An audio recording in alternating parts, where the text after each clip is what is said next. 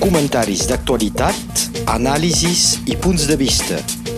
La crònica d'opinió amb el professor Joan Becat. Joan Becat, bon dia. Bon dia. Avui ens portes cap a Escòcia, que es troba al peu de la paret. Sí. Fa unes setmanes, a propòsit de la conferència a la Universitat Catalana d'Estiu de Prada d'Àlex Salmon, l'antic primer ministre escocès, us parlava dels referèndums d'Escòcia i de Catalunya i de les dues vies diferents de l'una i de l'altra. És Alex Salmon, guanyador de les eleccions autonòmiques escoceses, amb una majoria de diputats, però només 45% dels vots, que va pactar amb el primer ministre anglès Cameron el referèndum d'autodeterminació del 2014. Tot i que criticat el Regne Unit, David Cameron va ser prou llest per deixar fer el referèndum ràpidament, sense esperar que creixi més l'independentisme escocès. A més, Cameron va fer una campanya descarada pel no, fent por de les conseqüències del referèndum i de la independència als escocesos, prometent més autonomia, més diners, cosa que no va fer després. I el referèndum va tenir 55% de no per 45% de sí, exactament com a les eleccions precedents. Fi de l'episodi, car tots els primers o primeres ministres anglesos se van negar després a fer un altre referèndum. Per ells, aquest era el bo. Fins i tot Boris Johnson va anar a dir-ho a Edimburg mateix, a Escòcia, on va declarar que no n'hi hauria cap altre de referèndum fins a una altra generació, o sigui, d'aquí 20 o 30 anys. Doncs, final provisional del procés escocès. Alex Salmon va deixar la presidència autonòmica a Nicola Sturgeon, que va prometre, ella, de fer un nou referèndum, que el Regne Unit ho vulgui o no. És a dir, la via catalana de l'estratègia unilateral. Però sempre, al mateix temps, l'ha volgut pactar amb el govern anglès. A Escòcia, l'independentisme anava creixent, elecció rere elecció, amb sempre majories absolutes de diputats als Parlament escocès o anglès. Fins i tot van aconseguir 80% dels escons d'Escòcia a les últimes eleccions generals angleses. Nicola Sturgeon pensava que amb un suport com aquest, Londres acceptaria un nou referèndum. S'equivocava. S'equivocava car a Londres com a Madrid no acceptaran mai un referèndum d'autodeterminació per Escòcia o per Catalunya, per la simple raó que saben que el sí a la independència guanyaria. No hi ha negociacions o taules de diàleg que vulguin. Mai ho acceptaran. Tant se val si és un dret afirmat per les Nacions Unides i pels tractats que aquests estats han firmat. No ho faran. L'excusa habitual és que l'autodeterminació és per les antigues colònies d'ultramar i no per les regions dels estats d'Europa. Diuen que no se pot fer veure un burro que no té set. Diu la dita. És a dir, que ells no volen que les modificacions de fronteres se facin quan hi ha hagut desenes als segles XX i XXI i que s'han creat una vintena d'estats molt recentment. Quina és, doncs, a partir d'ara, l'estratègia per Nicola Sturgeon? Doncs, la primera ministra escocesa, Nicola Sturgeon, va seguir una estratègia intel·ligent, preparar tot millor i tranquil·litzar la gent sobre les conseqüències de la independència. Per exemple, quina serà la moneda, les pensions, el comerç, els estudis dels joves, la circulació de la gent cap a Anglaterra i aprofitar les conseqüències negatives dels Brexit a Escòcia, que massivament no havien volgut els escocesos. També va fer votar una llei escocesa sobre els referèndums. Com que no n'hi havia cap de llei de referèndums al Regne Unit, perquè eren decisions dels governs de torn, va aprofitar d'aquest buit jurídic. Per evitar d'anar en contra de l'Estat, la llei deia i diu que el referèndum no serà vinculant, és a dir, d'aplicació obligatòria, sinó indicatiu. Doncs seria una eina de negociació amb el govern anglès sobre la base del resultat de la voluntat popular. Nicola Sturgeon va fins i tot afirmar que el referèndum se faria, va dir, sí o sí, és a dir, que Londres ho volgués com si no ho volgués. Tot molt ben preparat. Però... Semblant al uh, referèndum o referèndum de, de Puigdemont. Exacte. Però és aquí que Nicola Sturgeon ha fet una grossa falta política. És, en lloc de, tri, de tri, tirar pel dret, com ell ho havia dit, sí o sí, i esperar que Londres s'hi oposés, ja veurien allà bontes que feien, doncs va demanar a la Cort Suprem Britànica, és a dir, l'equivalent del Consell Constitucional francès, si Escòcia, si plau, podia fer un referèndum. Era una falta, car se posava a les mans d'una institució anglesa en lloc d'aprofitar el buit jurídic. Quan a la Cort Suprem diu una cosa, de fet està fent llei. Doncs, la setmana passada, la Cort Suprem Britànica va decidir que Escòcia no tenia dret de fer un referèndum d'iniciativa pròpia, ni que sigui per consultar els ciutadans. Per tant, ara, Escòcia i el govern autonòmic de Nicola Sturgeon se troben davant d'una paret o desobeeixen i aniran al tribunal amb aquesta acusació de desobediència, o s'ha acabat el procés d'independència a Escòcia, i per sempre. Com que no té cap altra sallida, ha declarat que les pròximes eleccions generals angleses serien per a Escòcia unes eleccions plebiscitàries, on la campanya seria sí o no a la independència. Al meu entendre, és una altra falta d'estratègia política, perquè això no té sentit.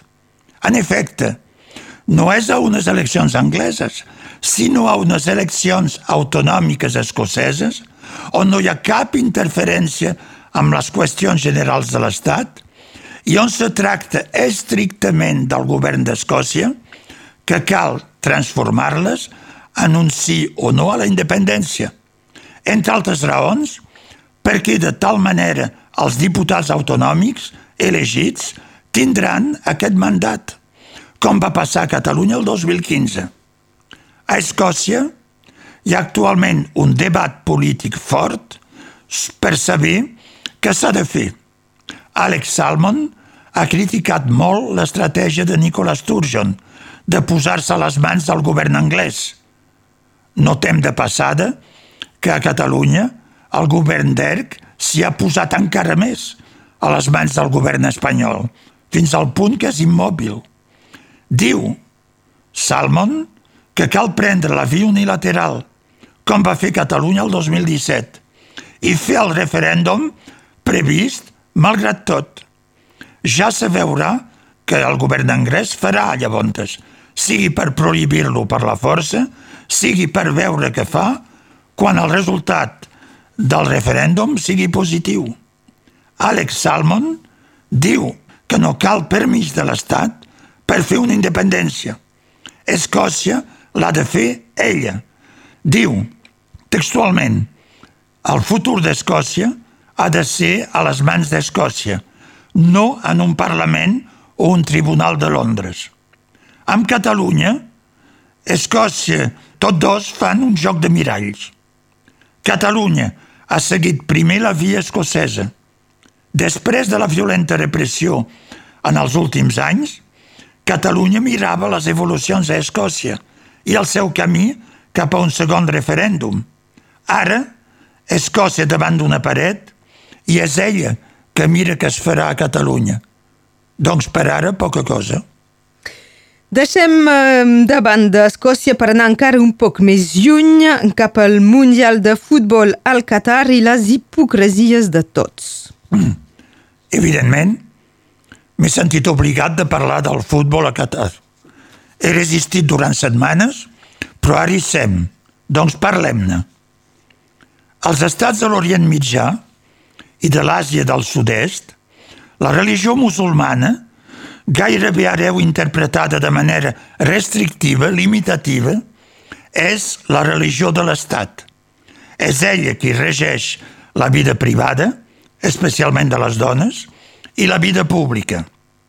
Això ho sabem tots, des de fa molts, molts anys, sense que vagi més lluny que unes petites protestes formals dels dirigents francesos i de tots els estats democràtics d'Europa quan van als països del Golf, com s'acostuma a dir, car tots hi van per negocis, per vendre armes o el que sigui, i recuperar petroli i gas. Ho sabem tots des de fa any i participem d'aquesta hipocresia. S'ha vist ara amb la guerra a Ucraïna i l'encariment o la penúria de petroli i de gas. Tots nosaltres, vosaltres, jo mateix, estem disposats a acceptar el que sigui perquè tot continuï com abans. No ens volem limitar de res.